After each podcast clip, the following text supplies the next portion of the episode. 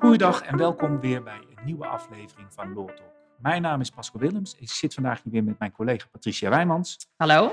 En Patricia, we gaan verder waar we eigenlijk vorige keer gebleven zijn, namelijk bij de Kamerbrief over uh, de toekomst van de, van de arbeidsmarkt. Ja. We Ja. hebben vorige keer al wat besproken als het gaat om uh, nou, wat te maken heeft met reïntegratie en, en de bedrijfsarts, althans de financiering daarvan, intrekken van het wetsvoorstel uh, leidend maken, oordeel bedrijfsarts bij de RIF-toets. En waar ik het nu eigenlijk met jou over wilde hebben, is het uh, eigenlijk een ander deel van de brief. En die gaat over allereerst de keuze van de arbeidsrelatie. Ja, wat, En- het, wat het kabinet graag wil, hè, is dat daar. Dat, dat, dat loopt nu allemaal. eh, nou ja, soms hè, de ene keer heb je een, een overeenkomst, een opdracht, de andere keer een arbeidsovereenkomst. En ze willen dat daar zuiverder mee wordt omgegaan. Hè. Dus dat je kiest voor de meest geschikte overeenkomst die past bij wat je ook daadwerkelijk doet. Precies, en de, en de achtergrond is natuurlijk het groeiend aantal uh, zelfstandigen. Daar komen we zo ook nog over te spreken. ja. Uh, en met name dit, uh, deze bepalingen die ze nu willen gaan invoeren, uh, zijn gericht om allereerst meer duidelijkheid te krijgen tussen wanneer ben je nou een werknemer en wanneer ben je een zelfstandige. Ja. Uh, ter bescherming enerzijds van met name die zelfstandigen die min of meer noodgedwongen zelfstandig zijn geworden, Ja. maar met allemaal kleine contractjes ook vaak zitten. Ja. Um, ook om zichzelf te beschermen, maar ook omdat het aantal zelfstandigen neemt toe, waardoor het aantal uh, arbeidskrachten afneemt. Ik moet zeggen arbeidsovereenkomst, werknemers. Ja. En dus bijvoorbeeld de draagvlak als het gaat om premies en zo afneemt. Dat is denk ik ook een belangrijke reden hè, om te zorgen dat we met z'n allen die lasten gaan dragen. En, Ja. uh, En, en om ook dat, dat ook fiscale verschil tussen uh, beide wat meer te, te nivelleren. Ja. Um, en nou ja, de keuze, wanneer ben je werknemer of wanneer ben je ZZP'er, noem ik maar, dat is al een lastige. We hebben Ja. onlangs de Deliveroo-zaak gehad, waarin het ging om de fietsbezorgers uh, van Deliveroo, waarbij de Hoge Raad al heeft gezegd dat dat in ieder geval geen ZZP'ers zijn, maar werknemers. ja. Ja. En het kabinet, ja, um, borduurt hier eigenlijk voor een stukje op door. Ze benoemen volgens mij Deliveroo niet, maar Nee. ze halen wel een aantal criteria aan waarin ze het verschil wat meer willen duiden. Ja, de minister die noemt, uh, uh, die zegt eigenlijk hè, dat ze de open norm van het werken in dienst van, dus het gezagscriterium, uh, zoals we dat kennen uit het BW, dat ze die verder gaat inkleuren aan de hand van de jurisprudentie. Nou, ik denk dat daarmee onder andere Deliveroo wordt bedoeld. Ja. Uh, want ze noemt daar uh, in ieder geval een aantal drie hoofdelementen, namelijk de materiële ondergeschiktheid, uh, zoals toezicht, instructies uh, van de werkgever, de organisatorische inbedding van het werk en als contra-indicatie voor het bestaan van de arbeidsovereenkomst zelfstandig ondernemerschap binnen de betreffende arbeidsrelatie. En dat sluit wat mij betreft alweer aan bij wat, uh, wat er in Deliveroo is genoemd. Dus even samengevat, uh, een arbeidsovereenkomst hebben gezag, arbeid en loon. Ja. Echt schalcriterium. Dit Ja. slaat puur op het gedeelte gezag. Ja. En daarvan zeggen, of er gezag is, gaan we kijken of er sprake is van materiële ondergeschiktheid. Dus kan er toezicht worden gehouden, Ja. instructies worden gegeven. Hoe vrij ben je om te bepalen hoe je het werk doet, met welke middelen, wanneer je komt, wanneer je gaat, noem Ja. maar op. Ja, Het tweede element is de organisatorische inbedding van de organisatie. ja en, dat, wordt is, daar ja, dat is een beetje het verschil. Kijk, wij zijn bijvoorbeeld een advocatenkantoor. Op het moment dat jij de glazenwasser, een, een glazenwasser inschakelt of een, ehm, een schilder, dat, dat heeft niks met ons werk te maken. Hè? Dat heeft, het, bijschakelen ze dan wel in, maar het heeft niks te maken met uh, ons werk. Terwijl als wij bijvoorbeeld een juridisch medewerker of een advocaat uh, als zelfstandige aantrekken, ja, dat werk dat zit, dat is ingebed in onze organisatie. Dat heeft te maken met onze core business. Precies, dus dat zou betekenen als wij een uh, advocaat of jurist inschakelen, die we wel zeg maar instructies kunnen geven, Ja, maar die wel ingebed is in onze organisatie. Dan geldt nog een derde punt op basis nog steeds het zelfstandigheid kan gelden. Ja. En dat is dus het zelfstandig ondernemerschap. ja, ja, dus als die persoon, als, nou, stel inderdaad, een goed voorbeeld, uh, wij nemen een, een advocaat aan of een jurist aan hier bij WVO Advocaten. Um, maar die kan wel heel zelfstandig bepalen wat hij of zij precies doet. Uh, is eigenlijk eigen ondernemer, draagt daarin zelf, misschien wel zelf risico's. Ja, dan, uh, dan ben je sneller ondernemer dan wanneer iemand uh, als jurist voor ons werkt. Deels van ons werk krijgt. Wij bepalen welke zaken iemand doet, uh, naar welke besprekingen iemand gaat. Uh, ja, Precies, dus je krijgt eigenlijk die eerste twee elementen, eh, dat bepaalt in het hoofdzaak. En dan kan dat derde element, hè, dus ja, dat de, kan een de materiële ondergeschiktheid en de organisatorische inbedding samen Ja. zouden bepalen of er in principe sprake is van gezag. Ja, Maar als je kan aantonen dat er zelfstandig ondernemerschap is, dan kan dat het weer Ja. eigenlijk weer leggen. precies. Dan kan En dat een contra-indicatie zijn. Werkt het kabinet ook aan een civielrechtelijk rechtsvermoeden, gekoppeld aan een Ja. uurtarief. En dat hebben we natuurlijk Ja. eerder teruggezien ook bij eh Die, eh, die, hebben we bij, ja, die hebben we inderdaad in eerdere voorstellen terug zien komen. Ehm, eh, dat is een, een uurtarief, waarschijnlijk een uurtarief tussen de 30 en de 35 uren, euro per uur. Ja, dat is een soort van ondergrens. Die is bedoeld om de zwakkere, ja, de, de zwakkere zelfstandigen te beschermen. Want je ziet, je ziet gewoon dat er in die zelfstandigen dat er enorme verschillen zijn. Er zijn zelfstandigen die voor, voor eh, 150 euro plus eh, per uur zelfstandig werken. Ja, dan ben je eerder een zelfstandige dan wanneer je rond de 30 euro per uur verdient. Maar zouden we dat moeten zien als een zelfstandige contra-indicatie? Of maakt als je dus wel voldoet aan eh, nou ja, zeg maar die materiële ondergeschiktheid en de onderhistorische inbedding, maar je vraagt een uurtarief van 50 euro, dan dat je je toch nog zelfstandiger maakt? Ja, ik weet niet hoe ze dat precies gaan, eh, gaan uitleggen. Ehm, maar als ze het echt hebben over een rechtsvermoeden, ja, bij mij gaat dan meteen toch wel het, het lampje branden van eh, de, de rechtsvermoedens die we in het arbeidsrecht nu al hebben. En dan zou ik haast denken dat op het moment dat jij tussen de 30 en de 35 of daaronder eh, qua uur ver- verdient, dat het dus een arbeidsovereenkomst is, tenzij je heel duidelijk kunt maken eh, dat je toch echt een zelfstandige bent.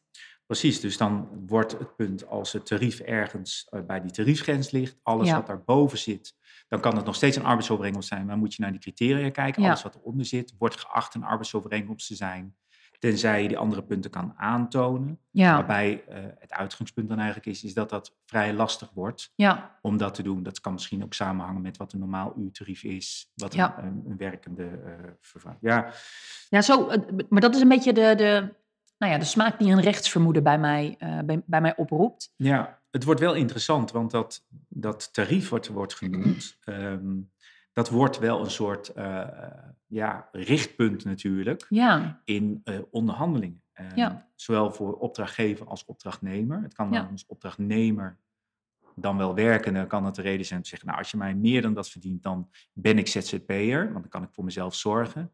Ja, Het is dus ook een, een soort indirecte manier om te zorgen dat eh werkenden met lagere uurtarieven, ehm, dat die eh, nou ja, toch meer gaan, gaan verdienen. En Ja.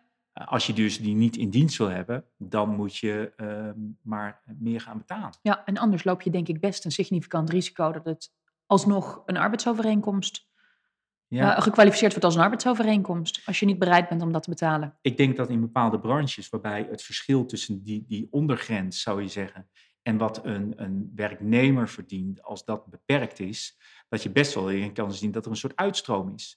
Hè, want stel ja, nou dat, je, eh, dat de uurtariefgrens op 32,5 wordt gesteld, ik noem maar wat. ja, En het normale uurtarief is 25 euro voor een, een werknemer, bruto uurtarief. ja, Dan zit je met alle werkgeverslasten en alle risico's, kom je daar ook ongeveer aan. Dan kan je Ja. beter als werkgever zeggen, nou, als dit een contra-indicatie zou zijn, ik ga het allemaal op een andere manier inrichten met allemaal ZZP'ers werken. Dat lijkt Ja. me niet de bedoeling. Ik vermoed wel dat ze daarover nadenken en dat ze dus dan nog steeds zeggen, ook al kom je daarboven, hè, als je iedereen dan ZZP'er gaat Ja. maken, ja, dat je nog steeds met dat gezagcriterium alsnog eh, een werknemer kan zijn, maar dan met in één keer een aanzienlijk hoger uurtarief. En daaroverheen dan sociale lasten, pensioenpremie, noem maar op. Ik vraag me overigens wel af of, ehm, of het zo is in de praktijk dat de keuze voor ZZP of werknemers in deze markt veel bij werkgevers ligt. Ik heb het idee namelijk dat er vooral ook eh, veel zelfstandigen zijn, CQ-werknemers zijn, die graag als zelfstandigen willen blijven werken vanwege de fiscale voordelen. Ja, ja. Ehm, dat zag je natuurlijk wel terugkomen ook op de eerste reacties hè, die je op internet zag vanuit eh, ook zelfstandigen die zoiets hebben van ja, ehm, dit wordt nu voor mij besloten en dat is, eh, ik zeg altijd uit liefde gedaan eh, voor een deel, maar ik denk ook pragmatisch ja, om alle premiepotten te kunnen vullen. Maar dat wil ik helemaal niet. nee, Tegelijkertijd is, zit er natuurlijk ook een stukje zelfbescherming in, want je kan wel denken, ik wil geen zelfstandige zijn, hè, want ik heb allerlei voordelen. Maar op het moment dat je bijvoorbeeld uitvalt Ja, ehm, en je hebt je niet verzekerd en een groot deel van de zelfstandigen heeft zich niet verzekerd, kom je wel in één keer acuut in de problemen. Ja. En dat wil iedereen natuurlijk wel voor, voor zijn, want er zijn natuurlijk genoeg voorbeelden waarbij een zelfstandige eh, om wat voor reden ook niet meer kan werken en uiteindelijk in de bijstand belandt, omdat hij verder niet verzekerd is. ja, En dat is dan weer een maatschappelijk probleem. Dat brengt me meteen bij het, het volgende onderwerp, namelijk de verplichte arbeidsongeschiktheidsverzekering voor zelfstandigen. ja, Dat is ook nog wel een interessante. Al een tijdje ligt die op de plank. Hè. Dat heeft al in de brief van Koolmees van, zeg ik uit mijn hoofd, 9 april 2021 gestaan. Dat ging toen ook over de verzekeringsartsen en de tekorten eraan, maar waar toen ook werd genoemd dat als er een verplichte eh, zelfstandige verzekering zou worden ingevoerd, dat dat zou leiden tot 5 tot 10 procent groter eh, capaciteitsprobleem bij het UWV voor de verzekeringsartsen. ja. Toch komt hij hier nu weer eh, terug. Het stond natuurlijk in het coalitieakkoord. Ja, zonder dat er volgens mij wordt ingegaan op wat de impact is voor het UWV. Hè? Want daar heb ik, ik heb niet gezien in de brief dat ze iets zeggen over, joh, we verwachten dat, nou ja, daar zoveel capaciteitsverzekeringsartsen voor nodig te hebben. Eh, daar gaan ze volgens mij in deze brief niet op in, hè? Nee, dit gaat vooral over zeg maar, de verplichting met een, een opt-out regeling. Dus eh uitgangspunt lijkt te worden, je wordt eh, verplicht verzekerd. Ehm, we komen zo nog even op wat het inhoudt. Tenzij je een, een passende privaatverzekering hebt genomen, dan mag je eruit stappen. Precies. Dus bijna omgekeerd eigen risicodragerschap. Ja. En eh, wat het gaat inhouden is dat in ieder geval eh, je eh, geacht wordt als ondernemer voor je eerste ziektejaar zelf een buffer te vormen. Ja. En dat het vooral gaat werken voor het, het tweede en verdere ziektejaar. Ja. En wat verder is, is dan ook wel, wel interessant. Ja, en even kijken qua hoogte. Het is ook niet zo dat het een enorme, enorme pot is. Het is echt een soort van basisverzekering op het minimumloon, ter hoogte van het minimumloon. Ja, het wordt eh, verzekerd op het hoogte van het minimumloon en dan daar een percentage van. Ja, Ehm, waarbij er ook al een soort indicatie wordt gegeven van, eh, van de premie. En wat ik van eerdere berekeningen weet, maar ik weet helemaal niet of dat nu nog doorwerkt, is dat het verhoudingsgewijs nog best wat geld is wat je dan eh, kwijt bent als zelfstandige.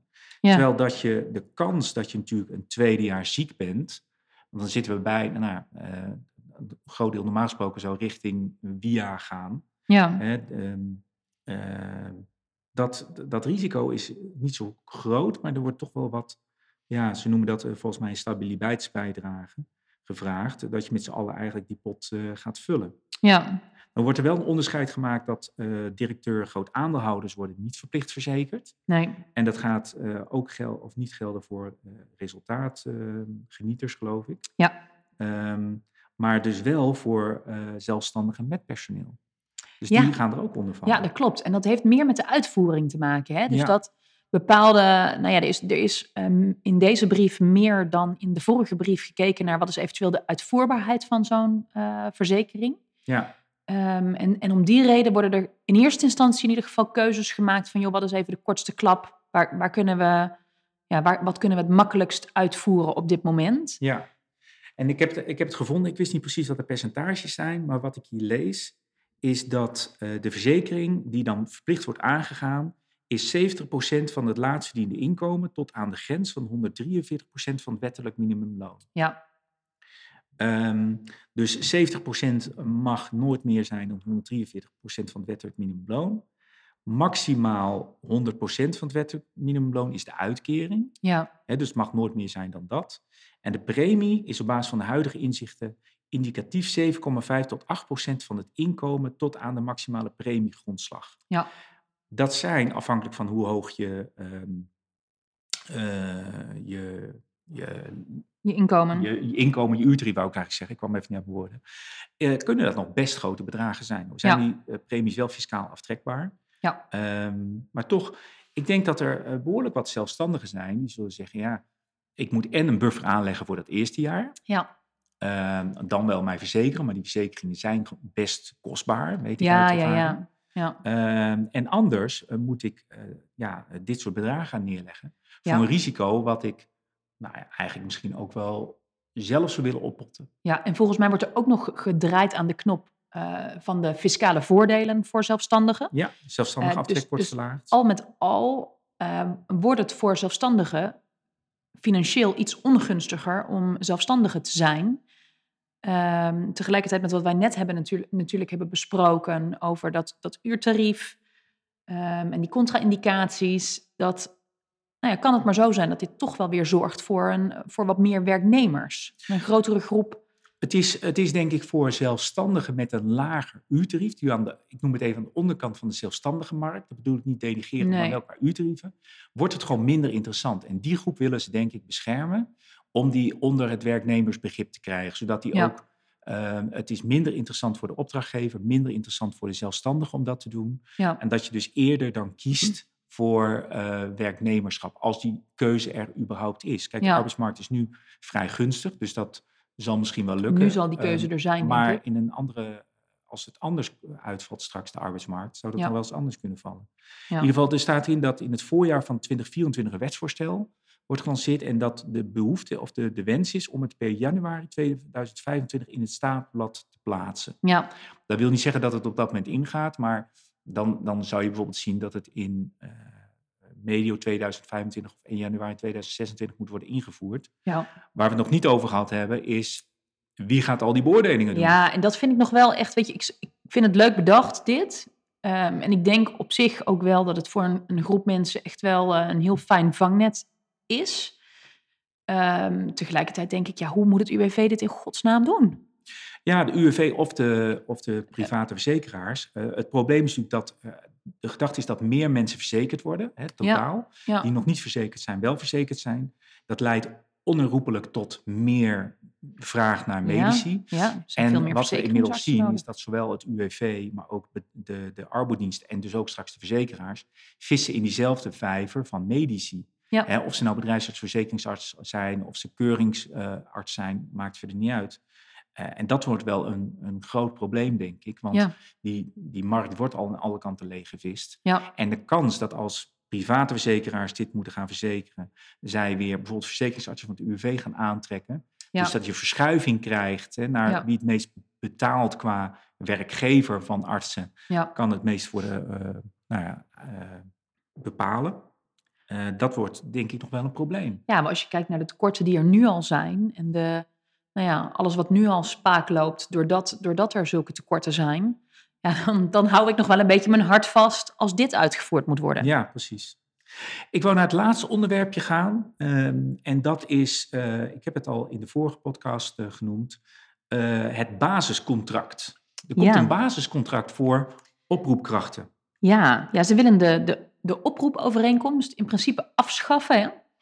Ja. En in plaats daarvan een basiscontract aangaan. En wat gaat dat dan inhouden volgens de plannen? Ja, dat er een, eh, nou ja, een, een arbeidsovereenkomst moet zijn waarin in ieder geval zekerheid wordt gegeven over inkomen, eh, over aantal uren, dingen als een jaarurennorm of zo. Dat mag allemaal nog wel. Maar het gaat erom dat iemand meer ehm, nou ja, zekerheid moet hebben over zijn inkomen, maar ook over de tijden dat hij beschikbaar moet zijn. Wat is eh, voor degene die dat niet weet, wat is de jaarurennorm? Oh, dat is een, een norm waarin je bijvoorbeeld afspreekt. Nou, jij gaat per, hè, per jaar voor mij bijvoorbeeld 1200 uur werken. Dan krijg je gemiddeld over 100 uur per maand krijg je gewoon betaald. Eh, maar dan kun je, die, kunnen die uren die kunnen wisselend worden ingezet. Dus dan kan het zijn dat je de ene maand misschien 50 uur werkt en de maand daarna 150. Precies, dus je hebt wel een structureel inkomen, Ja. gebaseerd op die aantal uren per jaar. Dus 1200 Precies. uur, 100 uur per, eh, per maand. Ja. Alleen, eh, eigenlijk krijg je een soort rekening courant van het aantal uren dat je gewerkt hebt en nog moet werken. Ja, en Ja. Als, als je nou, een werknemer nou aan het einde van het jaar meer heeft gewerkt, dan moet je die uren nog, nog betalen.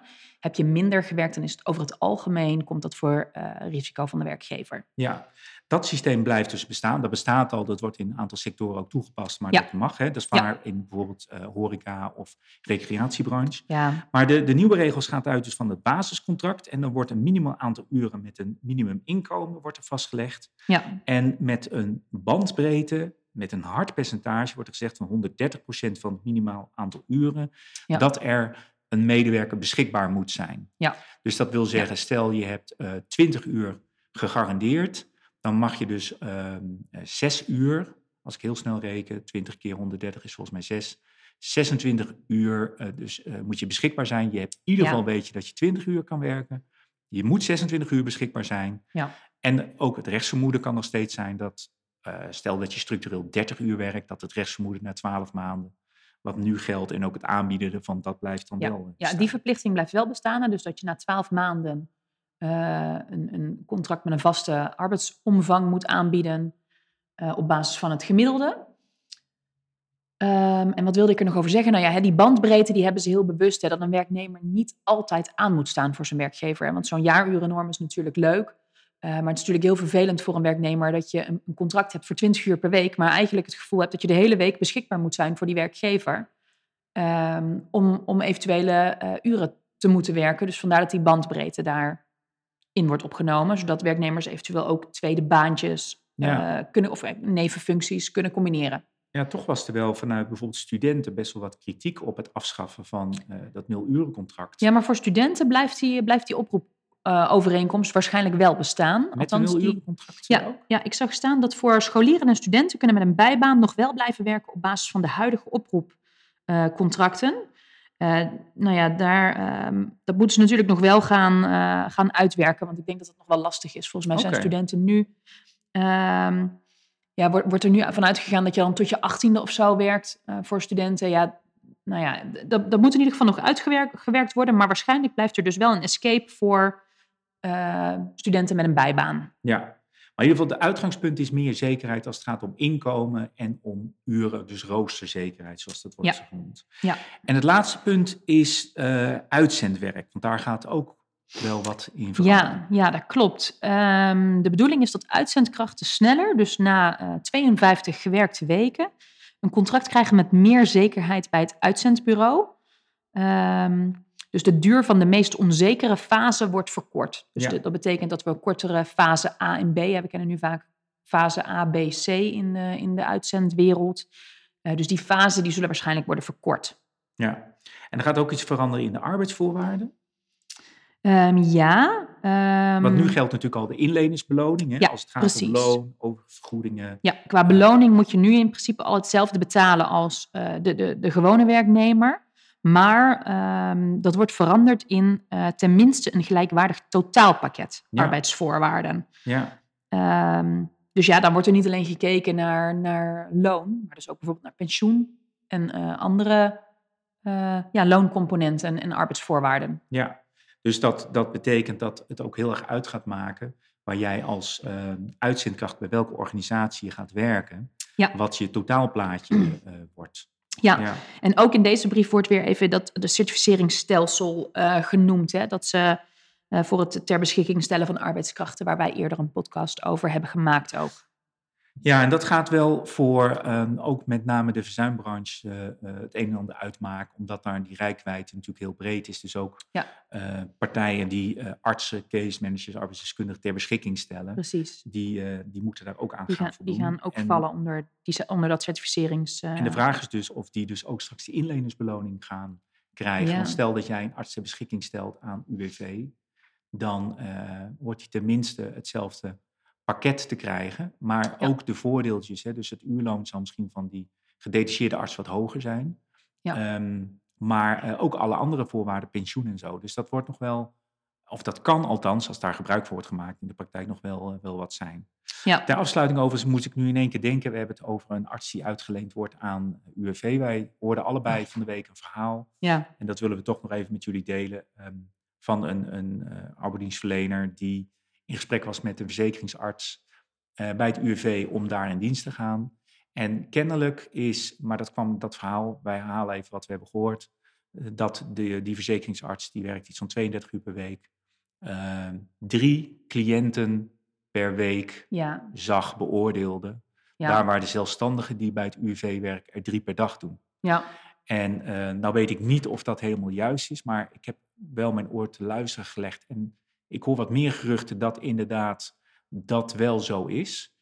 En toen ik dat hoorde, en misschien mensen die dit horen kunnen dat bevestigen of, of ontkennen of er eens op reageren. Dat vinden we altijd wel leuk om te horen. Maar ehm, toen dacht ik van, misschien is het capaciteitsprobleem van het UWV niet het aantal mensen, maar ehm, de efficiëntie. de efficiëntie, workload. eh, Nou, en, en ja, Wat volgens mij nog wel gezegd moet worden, is volgens mij zei die artsen ook wel dat ze in allerlei clubjes en, en eh, nou ja, werkgroepen en dergelijke zat. Dus er, er gaat volgens mij ook wel de nodige tijd eh, verloren met allerlei ehm, ja, overleggen. Precies. Eh, in- Dat is wel een van de dingen die natuurlijk ook destijds in de brief van Koolmees onder andere voorkwam. Dat er wordt gekeken naar efficiëntie in het, in het proces. ja, Maar toen ik het hoorde, dacht ik, oké, drie cliënten per week. Dan snap ik dat er op een gegeven moment achterstanden ja, ontstaan. ik dacht ook, dit kan niet waar Ehm, zijn. eh, en dan snap ik ook dat als je als zelfstandige niet aan die overlegjes hoeft deel te nemen, dat je ja, meer output hebt. Ja, Maar misschien, soms hè, ligt de oplossing eh, dichterbij dan we denken. Dus misschien zit daar ook wel een dingetje in en er zal ongetwijfeld naar gekeken worden. ja. Ik wil iedereen weer hartelijk bedanken voor het luisteren aan deze Law Talk. Eh, uiteraard houden we de ontwikkelingen eh, van deze brief en wat eruit komt eh, voor jullie in de gaten. Als er nieuws is, zullen we dat zeker hier melden. Ja. En anders graag tot de volgende keer. Tot de volgende keer.